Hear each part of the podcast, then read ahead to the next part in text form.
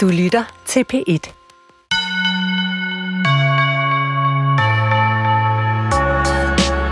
Det sker, at man finder en forfatter, der virkelig ser verden, som man selv gør. Sådan en forfatter er Tejs Ørntoft for mig. Klimakrisen æder os levende, samfundene er døde, eller som han skriver i sine digte 2014, det er ikke længere et spørgsmål om forfinelse, men om afvikling. Og jo, det er jo vand på øh, min pessimistiske mølle. Det er sort i sort i sort. Og øh, mere mundtet bliver det ikke i øh, forfatterens første roman, Solar fra 2018. Her går hovedpersonen helt i opløsning, og alt ender i et blodigt orgie. Så da Thijs Ørntofts nye roman Jordisk udkom for nogle uger siden, så læste jeg den også som mørk og dystopisk. Nu er der bare et problem. Thijs Ørntoft synes ikke selv, at han befinder sig i mørket længere, hverken i øh, litteraturen eller i verden udenfor. Og det hænger måske sammen med, at han for nylig blev far. Altså, jeg elsker at skifte min, øh, min nyfødte baby. Alt det der praktiske banalitet, jeg, jeg kan ikke få nok af det, altså. Det er fantastisk. Liv og, og, og, og fællesskab og forpligtelser og sådan noget, det, det, det er det, jeg vil, altså. Ja, hvad stiller man så op, når ens yndlingsdigter fra mørket nu er gået mod lyset? Det bliver et af de store spørgsmål i dagens samtale med Tejs Ørntoft. Skønlitteratur på P1 er i fuld gang, og jeg er som altid din vært og hedder Nana Mogensen. Og jeg lægger ud med at spørge forfatteren, hvorfor han har skrevet så monstrøs en roman, der strækker sig over 600 sider og næsten 70 år, fra 1967 til 2036.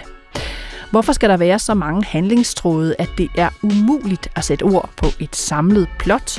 Og hvorfor kunne Thijs Ørntoft ikke nøjes med mindre end syv hovedpersoner i jordisk? Ja, altså det, øhm, det er der flere grunde til, men, men jeg tror, at den primære grund har nok været, at øhm, de tre første bøger, jeg har skrevet, to digtsamlinger og en roman, de har alle sammen haft øh, en jeg-fortæller sådan meget i forgrunden, øh, som, som, som på forskellige måder har fyldt meget. Øh, og da jeg var færdig med at skrive Solar, øh, som udkom i 2018, så, så var det noget af det første, jeg sådan mærkede, da jeg begyndte at tænke efter, øh, hvor jeg ville hen med min skrift nu. Øh, det var, at, at jeg følte et behov for at, at gå væk fra det her øh, øh, jeg, som, som fyldte meget, øh, og, og, og, det, og i stedet lade, lad min bog være befolket af, af mange personer, Øhm, og jeg tror, en af grundene til det er, at, at når jeg ser på det jeg, som er i mine tidligere bøger, så, så oplever jeg det som et, et forholdsvis sammensat og øh, kompliceret, måske endda sådan lidt øh, paradoxalt jeg. Altså, der er virkelig mange forskellige holdninger og energier og stemninger, som finder sted i det her jeg, som er i mine tidligere bøger. Og jeg, jeg, jeg kunne mærke, at det, det, det, jeg har brug for at sprede det ud, synes jeg, at der kom en masse, øh, masse flere karakterer. Øh, og, øhm, og så, så det tror jeg er den primære grund til i hvert fald, at karaktergalleriet er omfattende.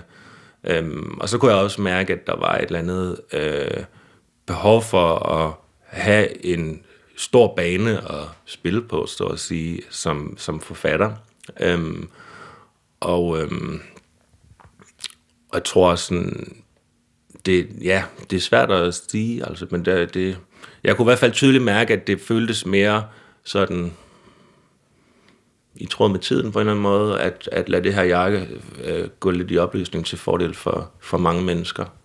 Og det her med at have en, en, en stor bane at spille på, nu skriver jeg simpelthen ned, og det er ikke fordi, jeg forventer, og det gør du sikkert heller ikke, at lytterne skal holde styr på alle karakterer og alle handlingstråde, men hvis man øh, vil give øh, jordisk en genrebetegnelse, så vil man kalde det en slægtsroman. Øh, der er tre generationer. Vi har syv karakterer, og tidsspændet går fra 1967 til 2036. Øh, rent geografisk, så er vi rigtig mange forskellige steder. Vi er i Jylland, øh, ved Søhøjlandet, vi er på Møn, vi er i nogle amerikanske stater, vi er sågar på månen. Og der er handlinger, der handler om alt fra kollektiv bevægelse til bankvæsen, til, altså, der er rigtig mange øh, emner. De syv karakterer, de tre generationer, jeg skrev dem ned, der er ligesom øh, stamfaren. Øh, han hedder Ernst, underdirektør i en bank. Vi hører hans historie i 1967. Øh, Han øh, er, øh, er far til øh, Alice, som får et forhold til Nick. De to får sammen øh, tre børn, Rea, Joel og Miriam. Og Nick bliver så også far til Julia, så der er de her tre generationer. Og det man kan sige er, øh, er fælles for dem, Øh, de har ligesom forskellige bøger, de fortæller i, men det, der er fælles for karaktererne, synes jeg, da jeg læste den, det er, at der er en eller anden fornemmelse af skrevet, en fornemmelse af undergang for dem, og der er en teori, du præsenterer, som jeg synes er, er meget interessant. Vil du ikke prøve at læse lidt op fra, øh, fra romanen? Her er vi over i fremtidssporet, og her er vi over i Julia, som altså er den yngste, den yngste karakter. Jamen, vi er i et, øh, et community oppe i øh, Rocky Mountains, et sted, hvor at, øh, hvor at, ja, Julia, som er en af bogens hovedpersoner, sidder øh, øh, og, og faktisk bare ryger en joint sammen med den ældre mand Patrick, øh, og så sin kæreste Natalie. Øh, og så snakker de om lidt forskellige ting. Øh, nu, er, nu er det lidt tid siden, jeg har... Men altså, vi er i et fremtidsspor. Kan du prøve at sige lidt om, hvad, hvad er det for et, et USA, øh, Julia sidder i nu med sin, sin kæreste, og hvad er det, der er sket? Ja, altså, det er, der, det er 13 år fra nu, øhm, og øhm, man hører ikke eksplicit om USA's tilstand, men man får nogle hensynninger til, at, at der er et par stater, som har løsrevet sig fra det federale samarbejde og er blevet selvstændige nationer. Øh, og man hører om, at der er et forestående præsidentvalg, hvor at nogle af karaktererne i det her community øh, tror, at det vil medføre, at endnu flere stater kommer til at løsrive sig. Så, så man har en eller anden situation, hvor at, at det store fællesskab øh, syntes at være på vej til at gå i opløsning til fordel for en ny måde at organisere sig på for, for mennesker, hvor, hvor, hvor et folk i stigende grad trækker sig tilbage øh, fra det politiske samarbejde og, og bosætter sig i mindre communities, som så er struktureret efter, hvad, om man for eksempel har et særligt politisk tilhørsforhold, så bor man i det community, eller har man en særlig trosretning, så bor man i et andet community. Så, så, så det store politiske projekt, USA er, er i gang med at fragmentere til fordel for, for, for, for, for små enklaver af mennesker, som, som hører politisk eller på andre måder sammen. Og Julia er forfatter. Hun underviser også nogle af de her børn, så vidt jeg husker det, omkring, øh, altså i communityet. Øh, ham her, Patrick, øh, hun taler med, er så noget ældre. Jeg kom sådan til at tænke på Patrick Bateman fra, øh, fra American Psycho, altså den her type, der har været inde i hele jubitiden og har tjent masser af penge, og nu har indset, og også ind i fængsel, så vidt jeg husker, og nu har indset, at det var måske ikke det. Øh, kan jeg have ret i det? Altså, jamen, det, det kan du godt. det kan du godt ret i. Altså, ja. Det var et, et, et, et skælm. smil. Det virker i hvert fald, som om du har kigget mod anden fiktion her også. Så de sidder ved det her øh, lejrbål, og så præsenterer Patrick, den her lidt ældre fyr, den her ret interessante øh, teori. Så hvis du læser fra den lyserøde seddel, øh, så sidder vi her igen, og så helt over til, ja. til denne her øh, fortænkt. Yep. Det, er, det er ret interessant, synes jeg nemlig. Okay. De sad en tid i tavshed, Julia mærkede pludselig, hvor træt hun var. Hun ville ned og se dyner. Så sidder vi her igen, sagde Natalie stille. Vil du ikke fortælle en lille historie, før vi går i seng, Patrick? Julia var enig. Jeg ved ikke, sagde Patrick. De insisterede. Godt, sagde han til sidst. Hvad vil I høre om? En historie fra dengang, du var aktiehandler, sagde Natalie. Eller fra en af dine penthouse, penthouse-fester. Patrick fortalte et par anekdoter. De handlede om livet på Wall Street i slut 80'erne, og musikken de lyttede til, bands som hverken Julia eller Natalie nogensinde havde hørt om. Han fortalte om natklubber og restauranter, de frekventerede, og om at tjene millioner af dollars på få sekunder, uden at føle andet end generelt livslede. Han fortalte om længslen efter autentiske relationer, der ifølge ham havde været mere eller mindre umuligt at opdrive på 80'ernes Manhattan. Donald Trump var jo et vores store held dengang, sluttede han. Alle ville have et stykke af ham i 80'ernes jubiverden. Svært at forestille sig, sagde Julia. Sådan var det. Hvornår flyttede du egentlig fra New York, sagde Natalie. Da jeg blev løsladt, da jeg kom ud af fængslet, forstod jeg, at der ikke var mere at komme efter på Manhattan. Eller måske var det mere end det. Jeg var vel nærmest blevet fjendtligt stemt over for byen, og har været det lige siden. Du har aldrig været tilbage, sagde Natalie. Patrick rystede på hovedet og tog et sug af jointen. Nope. Julia fortalte, at hendes far var flyttet til New York i midten af 90'erne, omkring samme tid som Patrick forlod den. Hvad lavede han egentlig, sagde Patrick. Han var lydmand på et spillested. Patrick ville vide, hvad spillestedet hed. Måske havde han været der. Julia oplyste navnet. The Emerald, gentog han. Der kom vi vist aldrig. Der var jo det var jo øvrigt der, han mødte min mor, sagde Julia, til en koncert med Arcade Fire. De flyttede til LA samme sommer. Hun blev gravid med mig det følgende år. Patrick spurgte, om de stadig var sammen. Julia rystede på hovedet. Et par minutter sagde ingen af dem noget. Patrick gav sig til at rulle en ny potjoint, som han kort efter tændte og røg alene. Han havde sat sig i skrædderstilling. Julia frøs. Forresten, Patrick, sagde Natalie. Den teori, du fortalte forleden, mens Julia var i Texas, den om de blågrønne alger, må Julia ikke også høre den? Jeg ved ikke helt, sagde Patrick. Det er ved at blive sent, piger. Julia vil gerne høre den. Okay, sagde Patrick, men det er jo en teori, som er udtænkt under stor indflydelse af pot. Den handler om livets udvikling. Jeg lytter. En af de første livsformer, der opstod på jorden, var så vidt man ved de blågrønne alger, sagde Patrick. Det var dengang det første spæde liv begyndte at blomstre op i verdenshavenes ursuppe. Dengang fandtes der endnu ingen ild i atmosfæren, og de blågrønne alger levede af solens lys. De var encellede organismer. De sugede sollyset til sig og udledte til gengæld ilt som et affaldsprodukt af deres forbrænding. Og hen over de næste hundreder af millioner af år udledte algerne mere og mere ilt til atmosfæren. Samtidig begyndte andre encellede organismer at dukke op. Men uheldigvis var ilt for gift for mange af de encellede organismer, og de begyndte derfor at uddø. Man taler om det som den første store masseuddøen i livets historie. Man kalder det den store iltapokalypse.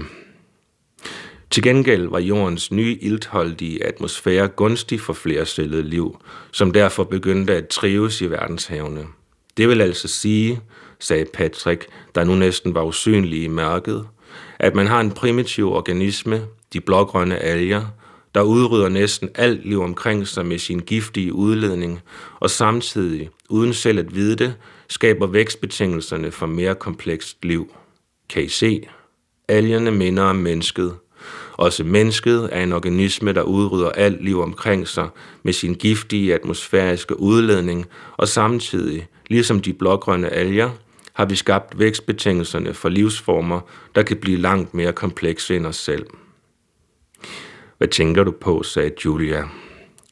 Jeg tænker på det digitale liv, sagde Patrick. Jeg tænker på komplekse algoritmer, AI-teknologi og store digitale netværk som en slags prototyper på nyt liv. Jeg tænker på, at mennesket muligvis gør som de blågrønne alger. Vi er en organisme, der fører livet videre mod højerestående stadier, samtidig med, at vi udrydder alt omkring os. Et øjeblik sagde ingen noget. Patrick havde åbenbart ikke yderligere at tilføje til sin teori. Det var tonløst mørkt ud over bjergene nu. Kun de højeste sneklædte tinder kunne skimtes. Jeg ved ikke, Patrick, sagde Julia. Måske fordi jeg er skæv, er jeg tilbøjelig til at godtage din teori.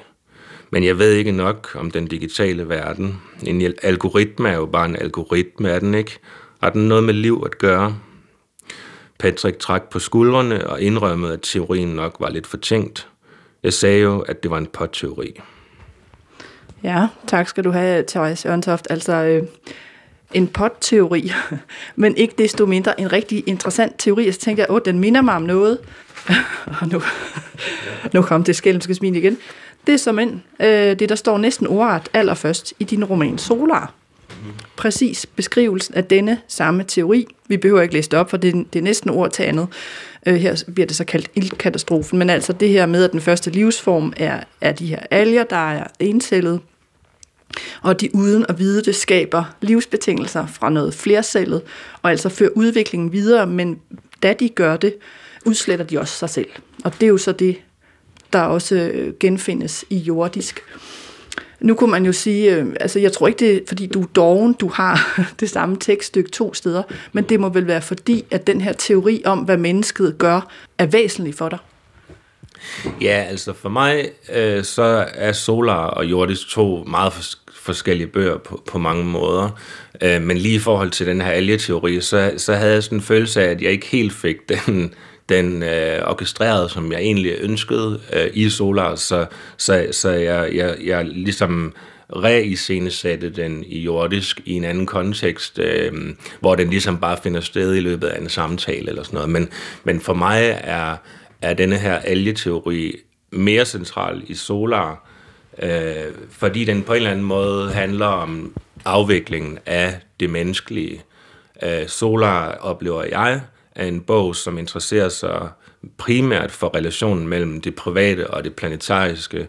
Det er som om samfundet og fællesskabet er, er, er, er sådan lidt underligt fraværende i Solar. Det, det er for mig med årene blevet til en bog om ensomhed i høj grad øhm, hvor at jeg i jordisk har forsøgt at, at lave et helt andet univers, som, som jeg selv oplever som værende befolket af mennesker, der hænger sammen på kryds og tværs, og som er forbundne og, og forpligtet på hinanden. Der er helt klart nogen af særligt de mandlige karakterer, som, som, som har nogle flugtimpulser, som måske kan minde lidt om Solar, men, men, men det viser sig, synes jeg, i jordisk, at de ikke kan flygte, fordi de ender bare med enten at møde nogle nye mennesker, som de bliver forpligtet på, eller, eller blive indhentet af fortiden, eller et eller andet den stil. Så, så, så, så for mig, hvor, hvor Solar var en bog om, om ensomhed på en måde, så, så, så er jordisk en, en bog om, om det fælles, eller sådan forpligtende.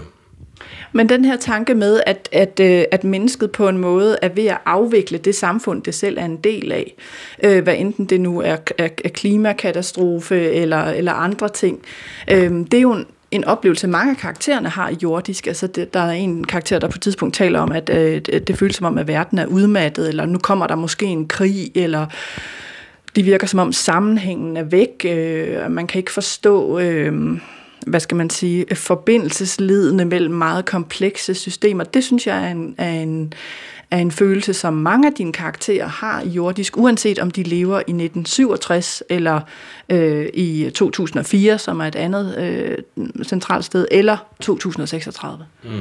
Men det er rigtigt, at det kan jeg godt genkende, at selv i 1967, hvor vi følger Ernst, som er underdirektør i en bank, der er der også en anden fornemmelse af, af opbrud i, i noget systemisk. Altså det her med, at, at Ernst, han, han er en mand af den gamle økonomiske verden, som tror på guldstandarden, altså det her pengesystem, hvor at dollaren var direkte knyttet til det fysiske, materielle guld simpelthen. Ikke? Og det, han, han har nogle refleksioner over, at at han på det tidspunkt i historien står et sted, hvor denne her guldstandard er i færd med at blive afviklet til fordel for et, et nyt økonomisk system, som forekommer ham mere luftigt og abstrakt og, og flydende osv. Og, så videre, ikke? og det, så, så det, det er rigtigt nok, at, og, det, og den fornemmelse er der også i bogens nutidsplan, altså den her følelse af, at i hvert fald for mig, at, at, at, at, at, at menneskeheden står over for et eller andet form for meget hæftigt, voldsomt, uoverskueligt, abstrakt transformationsarbejde. Øh, altså vi, jeg tror forvirring er det ord, der melder sig først, hvis jeg skal beskrive, hvordan jeg oplever vores tid lige nu og her. Det er forvirring.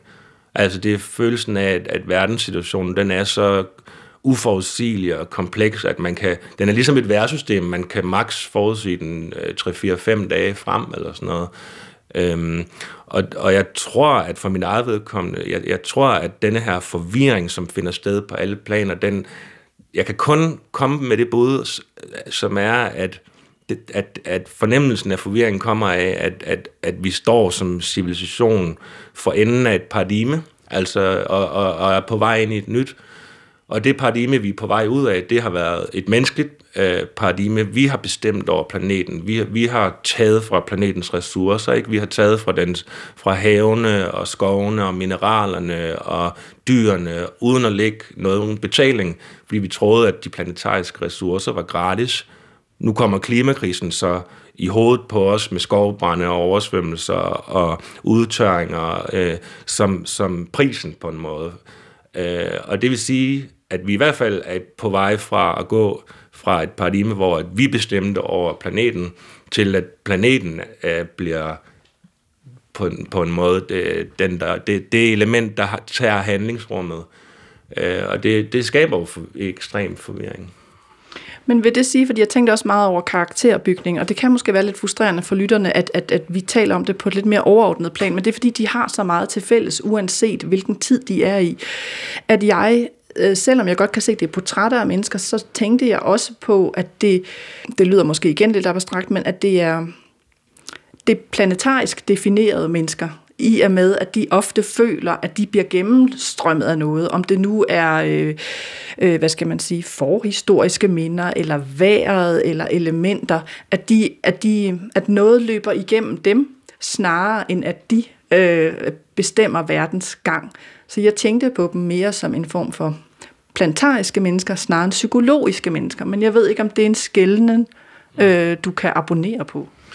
Nej, men det er interessant nok at høre dig sige det, fordi at, at altså, øh, jeg har skrevet den med, med den hensigt, og faktisk komme så tæt på dem psykologisk som muligt. Men, men du er ikke den eneste, som har sagt, at, at du ikke har haft den oplevelse, så, så der er åbenbart endnu længere vej for mig at gøre, før jeg når hen til nogen øh, karakterer, som, som man føler som læser, er, er, er realistiske psykologiske væsener. Men, men, men altså sådan lidt overordnet, så vil jeg sige, at nu sagde jeg før, at Solar for mig var en bog om, om, om det private og det planetariske. Jeg tror, at måske tænker jeg sådan lidt nogle gange skematisk over, at, at den litteratur, som interesserer mig at læse, den, den ofte har de her tre sfærer, altså den inderste sfære er den private, den, den næste sfære udenom, altså det samfundsmæssige, og den sfære, der så kommer udenom den samfundsmæssige, det er så det, man kunne kalde det kosmiske, eller det planetariske. Og jeg, jeg, jeg har en eller anden tendens til at, at ville alle tre øh, sfærer, når jeg skriver. Altså, jeg, jeg, jeg synes oprigtigt også, det er øh, spændende at befinde mig i det her private, psykologiske rum. Øh, så, men jeg ved ikke, hvordan fanden, altså... Øh, men, hvis, hvis, hvis læserne har en anden oplevelse, så må jeg jo lytte efter det og tænke over det til næste gang, hvordan man gør dem endnu mere psykologiske. Jamen, jeg tror heller ikke, at det er noget krav, om de skal være endnu mere psykologiske. De er troværdige som karakterer. Det er slet ikke det.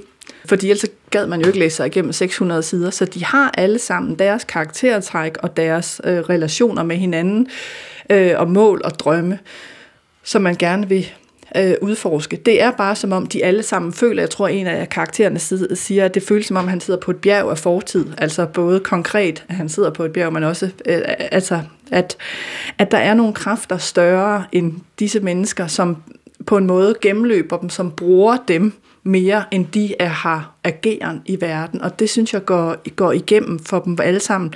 Men lad os tale lidt om, om sådan mere konkret også tiderne. Altså du har valgt Ernsts bog, som er stamfaren, kan man sige, 1967 under øh, direktør i en bank over i Søhøjlandet i Jylland. Det er ligesom den ene tid, og så øh, følger man nutiden, hvor Alice er øh, og, og hun skal stå for noget i forhold til Ernst. Jeg synes ikke, vi skal afsløre hvad. Altså hun er Ernsts datter. Og, øh, og så hører man også om de voksne børn, hun har fået med Nick. Øh, og der øh, der er vi også i nutidssporet, og så hører man i 2004 noget af Nicks historie i USA. Så man har den her øh, brudtid med 1967, man har 2004, og man har 2036, øh, Julias historie. Hvorfor er det de her årstal, vi skal ind i, for at du kan udforske det her net af forbindelser? Ja, altså jeg tror, at i arbejdet op til, at jeg begyndte at skrive jordisk, så, så, så gik jeg med sådan nogle øh, vedvarende øh, hvad skal man sige, tanker om at skrive i nogle forskellige tider af nyere verdenshistorie. Og for eksempel så blev jeg ved med at have et eller andet med New York i årene efter øh, 9-11, fordi jeg, jeg, jeg, jeg tror godt, at jeg kan mærke, at 9-11 er er i rigelig grad blevet beskrevet øh, som begivenhed i for eksempel litteratur. Så, så det var et eller andet med, at det var årene efter 9-11, som, som jeg fandt en eller anden form for interesse for, og jeg har læst meget om de her arkitektur øh, konkurrencer og så videre, som, som, som var i forbindelse med at opføre det, der så skulle komme i stedet for 9-11, eller hvad hedder det, World Trade Centers. Øh, så, så, så, så, og så havde jeg ligesom på alle, i, i forhold til alle fem dele, havde jeg nogle, nogle løse idéer til, øh, hvor vil jeg gerne placere dem i tid, men, men det var først, da, da jeg kom i tanke om, at jeg skulle basere hele romanen på min egen families grundstruktur, at, at brækkerne sådan rigtig faldt på plads. Så grunden til, at, at Ernst, han øh, Øh, arbejder som underdirektør i Silkeborg i 1967, det er, det gjorde min morfar. Han arbejdede så ikke i en bank, han arbejdede i en tøjbutik i stedet for, men, men, men han er i høj grad baseret på min morfar. Øhm, og, og, og det var den måde, som hele puslespillet faktisk øh, om sider begyndte at give mening for mig på. Øh, det var, at det, det skulle ikke bare være tilfældige mennesker, tilfældige steder i verden. Det skulle være bygget på på, på, på sådan, som mit liv har set ud. Så jeg er også selv fra Søhollandet, og det er derfor, at, at, at romanen ikke finder sted i Aalborg for eksempel, fordi det kunne den jo også have gjort, eller alle mulige andre steder, men, men i Søhollandet, hvor jeg kommer fra. Men hvorfor, hvorfor lige 60'erne? Altså, det er jo fint, at du baserer det på noget øh, i din egen historie, men hvad er det ved, ved 1960'erne, der er en særlig øh, brudtid? Du talte før om det her med paradigmeskiftet, at vi står over for, hvad skal man sige, en ny verdensforståelse, og det føler vi i dag i 2023, men din karakter føler det sådan set også i 1967 og i 2004. Og nu er det lige sagt 2004, det er jo efter øh, 11. september 2001, men, men hvad er det i 1960'erne, der, der gør, at det skal være den her tid, der også øh, føles anderledes? Mm. Ja, men det er, en, det er en blanding af det, som jeg lige sagde med, med min egen morfar, som var øh, sådan lidt en, en type i, i 60'ernes Silkeborg, og så... Øh, og så det her med, at, at, øh, at i 1971, som er fire år efter, der, der, der sker den her øh, ophævelse af det, der hedder Bretton Woods-systemet, som, som teknisk set betyder, at, at forbindelsen mellem det fysiske guld og så, og så verdensøkonomien bliver, bliver, bliver løsrevet. Øh, Øh, så, så, så det er derfor, jeg har valgt at placere det der. Der er også en tredje grund, som er, at hele det her bankspor, som, som øh, del 2 af bogen baserer sig på, er, er delvist bygget på en rigtig historie om en rigtig banks tilblivelse. Øh, så, så på den måde er det, og det skete i 1967, at den her bank blev til, som findes i dag også. Øhm, så, så det er en tredje grund til, at, det bliver, at lige den del blev placeret der. Men nu sagde du før, at din tidligere roman Solar meget er en roman om ensomhed. Altså den her Thijs-figur, der går helt i, i opløsning. Og at jordisk måske også er en, en, en, en bog om forvirring. Altså de ændringer, vi står overfor, blandt andet med klimaet. Betyder det, altså at når, når vi går fra ensomhed til forvirring, er vi så et skridt op på det, man kunne kalde den positive skala? Altså, jeg har tænkt lidt over det, og altså, jeg kan huske, da, da digtet 2014 udkom i 2014, der, der var min oplevelse, at, at der var en eller anden form for undergangseufori i vores kultur. Alle tv-serier handlede om, at verden gik under, hvad end det så betød, og, og en masse bøger handlede om det, og det, det, var, det var ligesom om, at det for, for en masse mennesker i Vesten gik op for os som sådan en spektakulær begiven indsigt, at øh, har, har I hørt, at verden går under, nu, nu sker der noget. Så, så, det, øhm, så, så det affødte en masse øh, dystopisk øh, kunst, ikke? hvor det er som om, at, at, at nu, knap 10 år senere, så, så, er, så er det blevet en realitet. Altså, verden går ikke under, fordi hvad vil det overhovedet sige? Men den er i den grad i gang med at mutere og transformere sig til noget, som vi ikke forstår. Øh, både økonomisk og politisk og øh, økologisk og alt muligt teknologisk. Øhm, og, og, og, og derfor så kan man måske sige, at Jordisk er en bog, der, der så finder sted i den tid, som, som, som er, at når jorden kommer aldrig til at gå under, der finder liv sted. Øh, og det ser ud, som det gør i 2023. Øh, mennesker overlever, mennesker lever. Øh, det ser ikke altid lige kønt ud, men, men, men der, altså, arten kommer ikke til at uddø, øh, hvis du spørger mig i hvert fald. Jeg skulle til at sige, hvor ved du det fra? Det ved jeg selvfølgelig heller ikke, men, øh, men jeg tror personligt, at at menneskets primære overlevelsesstrategi har været tilpasning.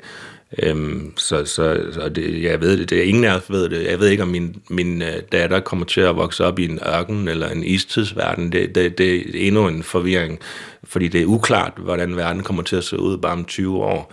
Men jeg forestiller mig, at øh, lad os tage for hypotesens eksempel, øh, øh, mit eget nyfødte barn, at, at, at lad os tage, det kommer ikke til at ske, det er godt, men nu er det en hypotese, at lad os sige, Manhattan stod under vand, øh, 10 meter vand om, øh, om 20 år, når hun får bevidsthed så vil det for hende ikke være øh, mystisk. Hun vil ikke tænke katastrofisk. Mor og far, hvordan kan det være, at Manhattan står under vand?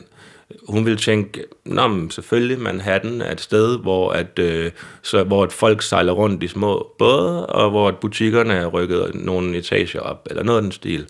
Øhm, så, så jeg tror personligt, at, at hvor katastrofisk det end bliver, og så, så er der også et element af, over, af overlevelse, som, som man, man kommer til at se. Mm.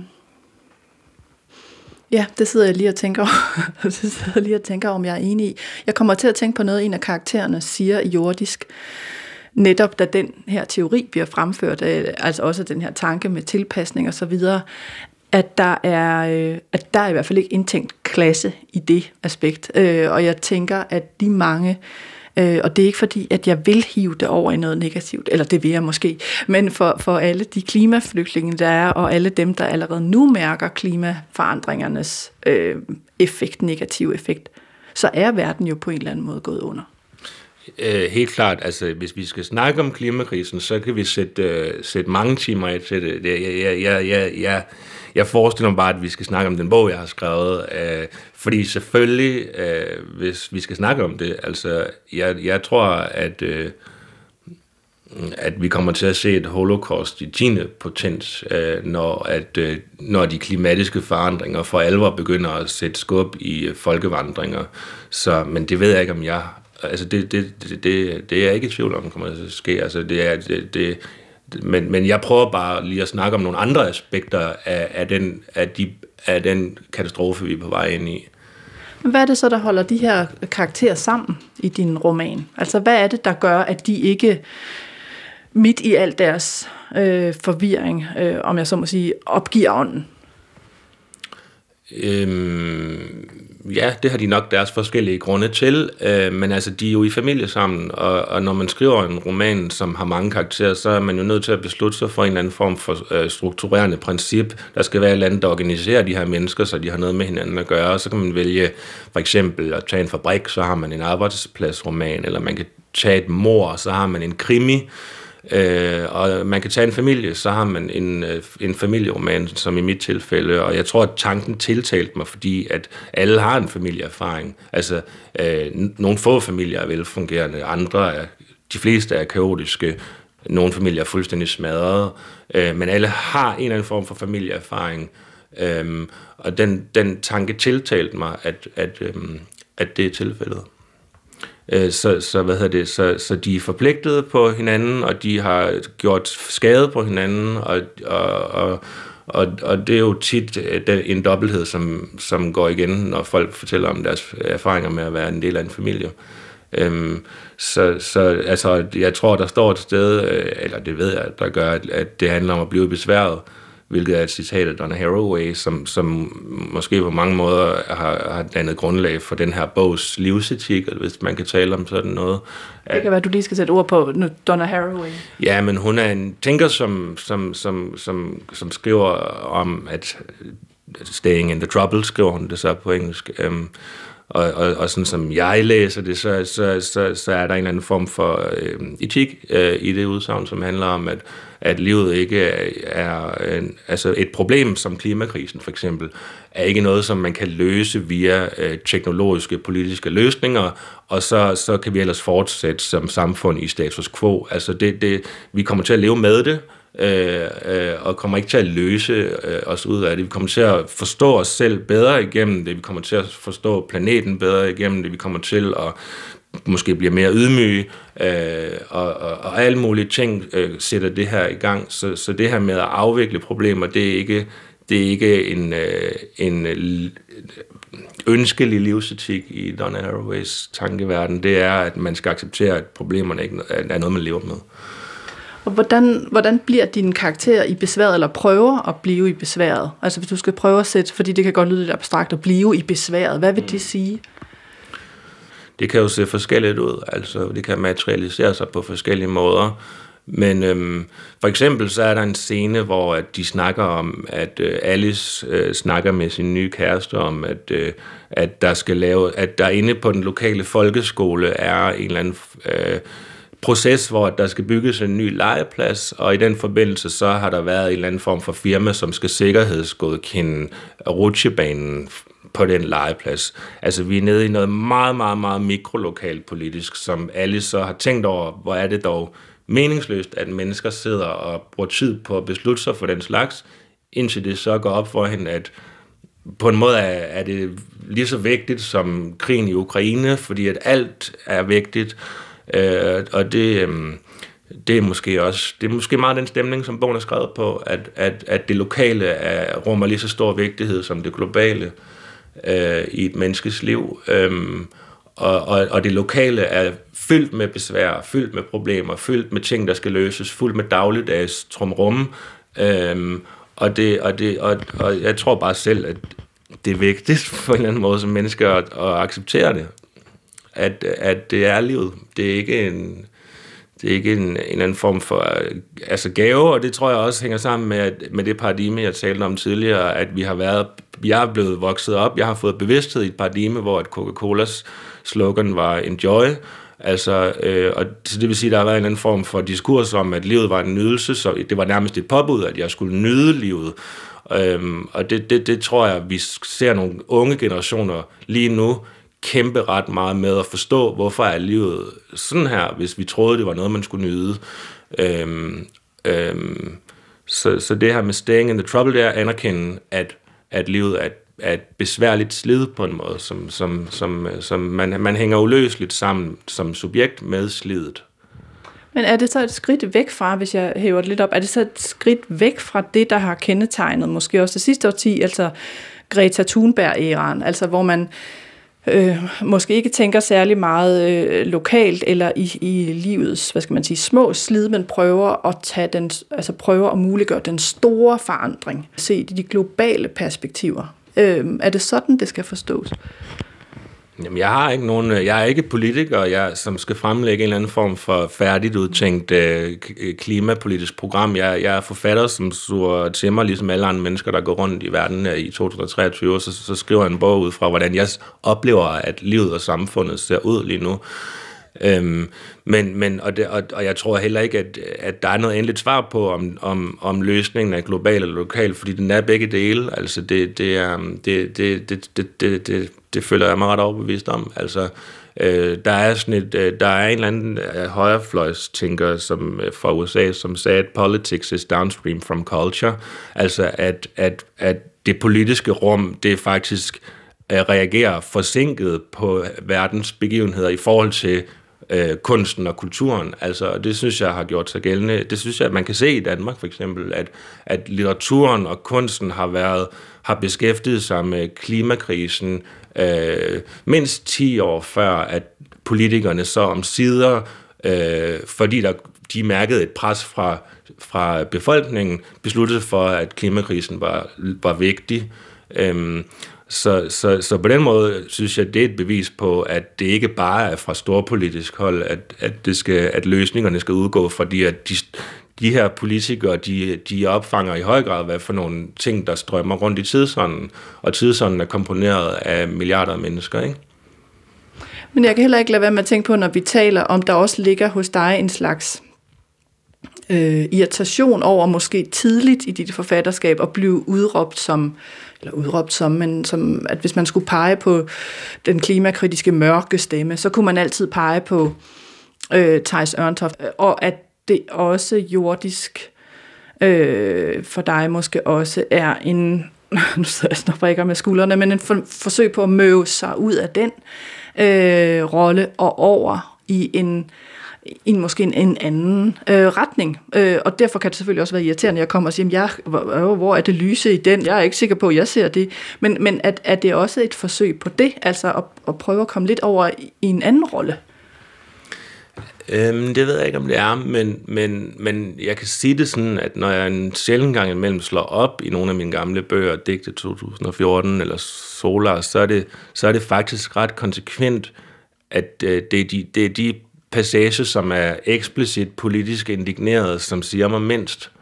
Øh, altså, og jeg, jeg har ikke et helt klart svar på, hvorfor, men, men, men måske har det noget at gøre med, hvor jeg har bevæget mig hen som forfatter, at, og også i forhold til de ting, jeg læser, og som, som interesserer mig, at, at det, det, det, det, det siger mig i, i, i tiltagende grad ikke særlig meget Øh, øh, bøger, som er meget sikre på, hvad de selv mener politisk og moralsk, øh, og ligesom stiller sig anden øh, og, og prædiker en eller anden form for altså på, på, program på forskellige måder. Det, jeg, jeg tror måske bare, at jeg er gået i en anden retning, som er, at jeg interesserer mig for litteratur, som, som, som, som opholder, som beskæftiger sig med, med det ambivalente, med, med mysteriet, med hemmelighederne, med kompleksiteten, og, og, og, og som er et sted, der egentlig ikke nødvendigvis skal afle nogen svar.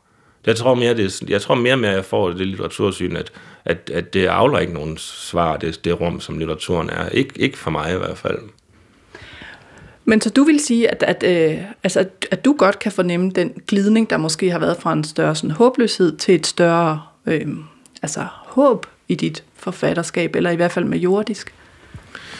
Jamen, det, det vil jeg nok sige. Altså, jeg, jeg, jeg følte, jeg brændte nallerne lidt ved at skrive Solar, fordi den, den skræmte mig lidt, den slutning på den bog, øh, fordi den er så ensom. Øhm, og, og jeg tænkte længe over, hvad, hvad, hvad, hvad er det, der fik mig til at skrive det her? Hvorfor endte jeg her?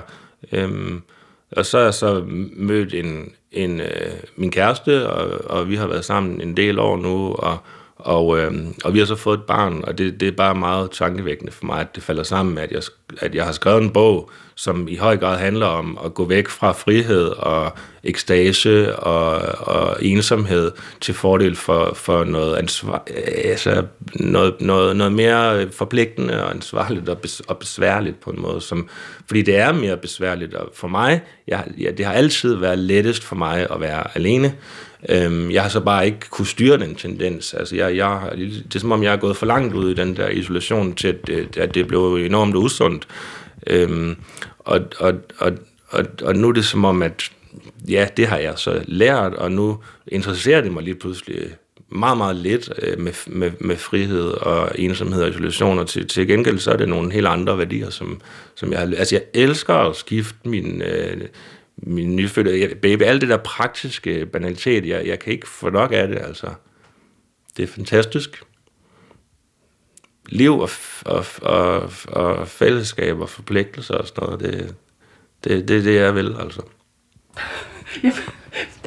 det er godt, altså, det er dejligt at høre dig sige det, eller, og jeg kan se, at du smiler, altså du ved, altså det kan lytterne jo ikke se, men du, øh, altså det kommer et sted indenfra, som er fuldstændig oprigtigt.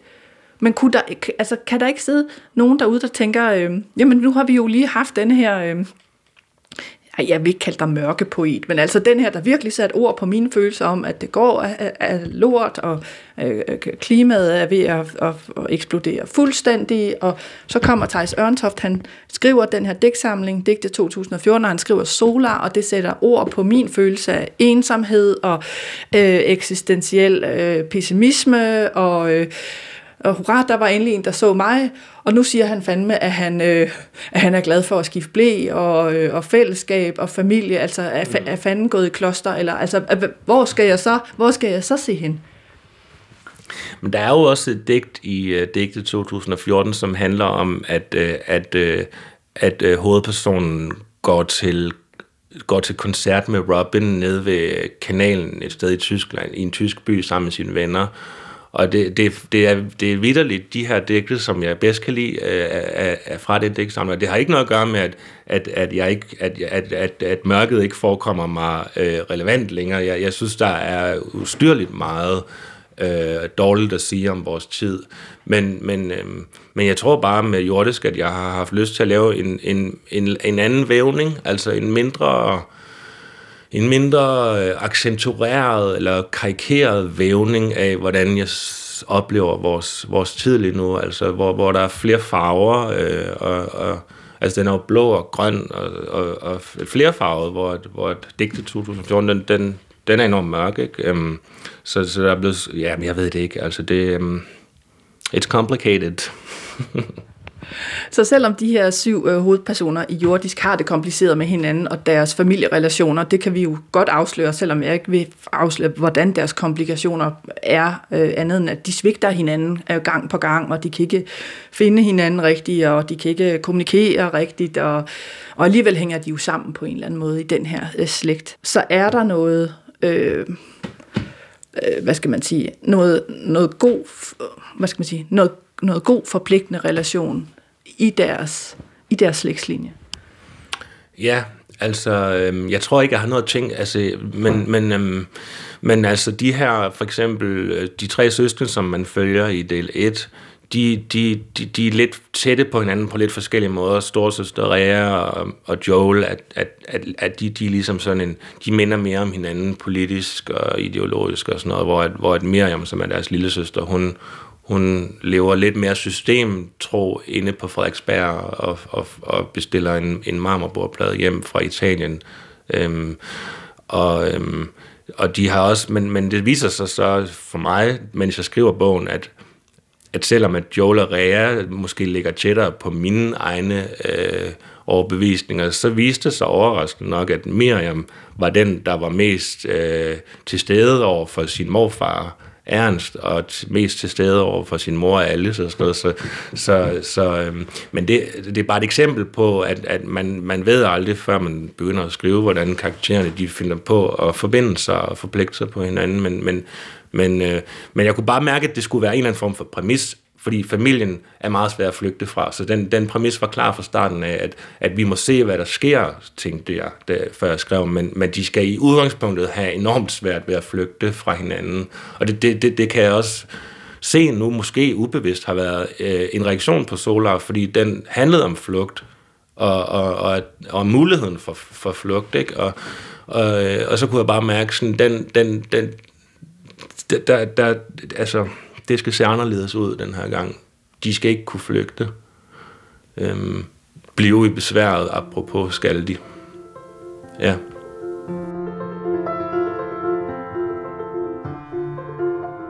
Vi er øh, mod slutningen af Jordisk, hvor at øh, Alice sammen med sin nye kæreste Henning øh, laver en lille, lille evaluering ud på terrassen, efter at de har haft et møde i deres øh, lille gruppe, som er en modstandsgruppe mod øh, nogle kapitale folk, som ønsker at affrede et istidslandskab øh, og bygge øh, liebhaverboliger der. Det er de imod, øh, og de har lige haft et møde i deres modstandsgruppe. De stod og røg en cigaret ude på terrassen. Det var mørkt. De havde siddet længere og arbejdet i stuen. Månen var oppe, tynd som en negl. Ned i dalen kørte regionaltoget forbi med sin langstrakte klane lyd. En let vind suste gennem haven. Snart var det midsommer. Snart ville nætterne blive længere. Noget siger mig, at vi vinder, sagde Henning. Hvis borgmesteren virkelig er så lydhør, som Lars påstår, så kan de næsten ikke få det igennem. Men i det lange løb er slaget tabt. Om 100 år ligger der huse ned til Knudsø. Det tør jeg godt spå. Om 100 år findes der ikke længere et fredet istidslandskab. Sig ikke det, sagde Alice. Hvorfor? Fordi så er der ingen mening med noget som helst. Så er alt nyttesløst. Det vigtige er, hvad der sker lige her nu. Det bliver jeg mere og mere sikker på. Jeg tænkte på det, da vi gjorde rent på Søløstvej forleden. Jeg tænkte, her står jeg og gør rent i et lille bitte hus et tilfældigt sted i verden, og hvad i alverden er meningen med det? Det er jo så ligegyldigt, tænkte jeg. Men så slog det mig, at det måske ikke var rigtigt. Fordi alt er vigtigt. Den mindste lille oprydning, den mindste lille konflikt, nu skal der for eksempel bygges en ny legeplads ind på Skovgårdsskolen, læste jeg. Man nedsætter et udvalg, hvor folk i timevis sidder og diskuterer, hvilke rutsjebaner, der er sikkerhedsgodkendte. Og man kan blive så nedslået af at tænke på den slags. Fordi universet er så stort. Fordi jorden er så lille. Bare et støvkorn i et uendeligt kosmos. Og så sidder mennesker og diskuterer sikkerhedsgodkendte rutsjebaner. Men det er vigtigt, tænkte jeg. Det er vigtigt, at jeg går rent i min fars hus. Det er vigtigt, at jeg lægger kræfter i, at jeg ringer vindueskarmene ordentligt, at jeg tager stilling til tingene ude i redskabsskuret, at jeg beslutter sammen med mine søskende, at plæneklipperen kan få lov at blive stående til de næste ejere. Putins krig er vigtig, og klimakrisen, men det er de mindste ting også. Der er i princippet ingen forskel.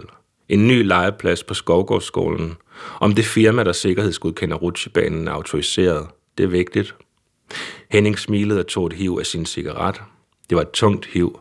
Et livserfarent hiv. Sådan kunne ingen unge inhalere.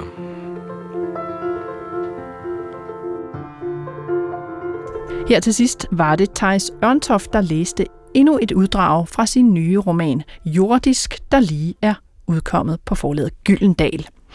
Og øh, jeg får lyst til at holde fast i det, forfatteren omtaler som bogens livsetik.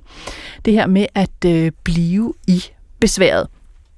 Thijs Ørntoft nævner selv tænkeren, filosofen biologen Donna Haraway som øh, sin store inspiration. Og jeg fandt et klip fra et foredrag, hun holdt, jeg tror det er i San Francisco i 2017, hvor hun netop læser op fra værket, der hedder Staying with the Trouble.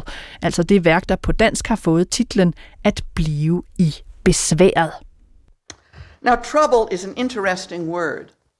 It derives from a 13th century French verb meaning to stir up. to make cloudy, to disturb. We, all of us on Terra, live in disturbing times, mixed up times, troubling and turbid times. The task is to become capable with each other in all of our bumptious kinds of response, to become response able.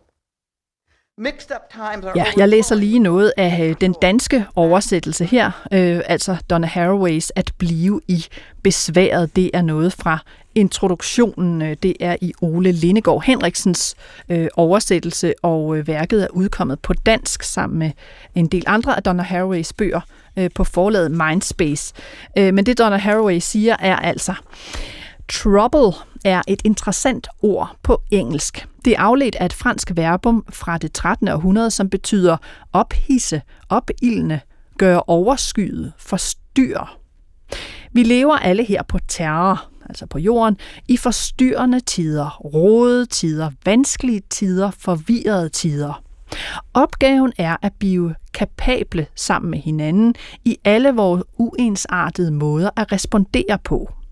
Rode tider er ved at flyde over af både smerte og glæde, med ekstremt uretfærdige fordelinger af eller mønstre i fordelingen af smerten og glæden, med unødvendig ødelæggelse af fortsatheden, men også med nødvendig genopbygning. Opgaven er at skabe slægt i linjer af opfindsomme forbindelser, som en praksis for at lære at leve og dø godt med hinanden i en fyldig nutid. Og så, siger Donna Haraway, vores opgave er at skabe uro opildende til potente responser på ødelæggende begivenheder, og desuden at få oppisket vande til at falde til ro og genopbygge stilfærdige steder. I presserende tider er mange af os fristet til at imødegå besværet ved at gøre en fantaseret fremtid sikker forhindre et eller andet truende i fremtiden i at ske, eller rydde hele nutiden og fortiden til side for at skabe fremtider for de kommende generationer. At blive i besværet kræver ikke sådan et forhold til de tider, der kaldes fremtiden. Faktisk kræver det at blive i besværet, at man lærer for alvor at være til stede i nuet, skriver Donna Haraway, og så fortsætter hun ellers. Ja, man kan beskæftige sig mere med de her tanker om at blive i besværet, og hvad det vil sige, hvis man finder Donna Haraways øh, bog, der netop hedder At blive i besværet, udsendt på forlaget Mind Space. Jeg vil øh, slutte af med øh, lidt mere øh, lyrik også denne gang, og det er som en Thijs Ørntoft, der igen får ordet. Det er fra den udgivelse, jeg også citeret i introen, nemlig øh, hans digte 2014. Og øh, her er det en optagelse fra den gang, han var i skønlitteratur på P1 og læste op for små 10 år siden. Jeg øh, er som altid din vært og hedder Nana Mogensen, og du kan altid skrive til mig på litteratursnabelag.dr.dk. Vi høres ved i øh, næste uge, og her er det altså til sidst Tejs Ørntoft der læser. Digte 2014 er udkommet på Gyldendal. En gang var diktatoren et menneske af kød og blod. Nu er de tider forbi. Nu er de blæst til atomer. Og nu ligger jeg et sted blandt de atomer og ser mine tænder svæve ud af munden som en rumfærges besætningsmedlemmer. Nu trækker jeg vejret og holder det inde, som om det var mit. Jeg er en snylder på en blå planet, en tynd hinde mellem cirkus og massegrav. Jeg er en fatsvag gong gong, slå på mig, slå mig til ridder af de vestlige regioner. Verden har brug for en samlende kraft. Kør mig rundt i en natblå Audi og lad mig vinke ud til befolkningen. Lad mig synge min smukke sang for dem. Elsk mig for mine nødvendige nedskæringer. Gang i julene igen. Elsk mig for at fjerne Isaac Newtons barndom og anlægge en kulmine i stedet. Ud af hvis porte de næste dinosaurer løber. En drone skygge hen over geografien. Jeg vågner op i en tilfældig morgen, og der, ude for enden af dagens første blodprop, når jeg ligger kontinenterne og lyser. Jeg vil derud, jeg vil ud og finde livgivende føde, ned i halsen med mad og produkter, så jeg kan spire som mækkestokke ud gennem kødet og op gennem stratosfæren. vise mig den natur, der ikke har krig som skæbne princip, og kom til mig, når du har fundet den. Hilsen designerdværg med skudhold i panden, hilsen omvandrende begær med hud og hår, gør plads for mine vandskabte bevægelser, kør rendekravene ind og ryd en lysning, ryd forsiderne for breaking news. For ved du hvad? Jeg lever livet på kanten af sammenbrud. Jeg balancerer ind over dagene på en tråd tråd af uld, spundet ud af røven på æderkop, spundet ud af røven på Urbanstrasse 133. Aftenen endte alligevel med russisk roulette på trægulvet. Nu ligger folk og bløder i det tefarvede vand. Dagen er forbi, og himlen brænder.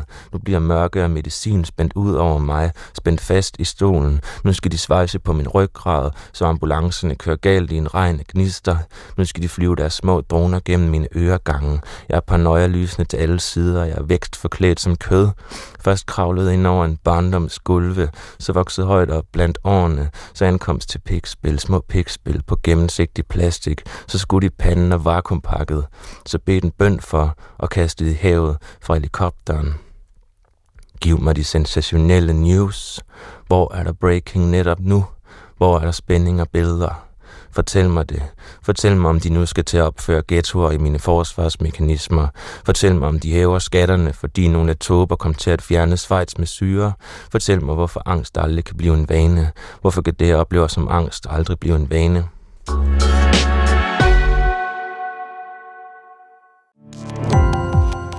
Gå på opdagelse i alle DR's podcast og radioprogrammer. I appen DR Lyd.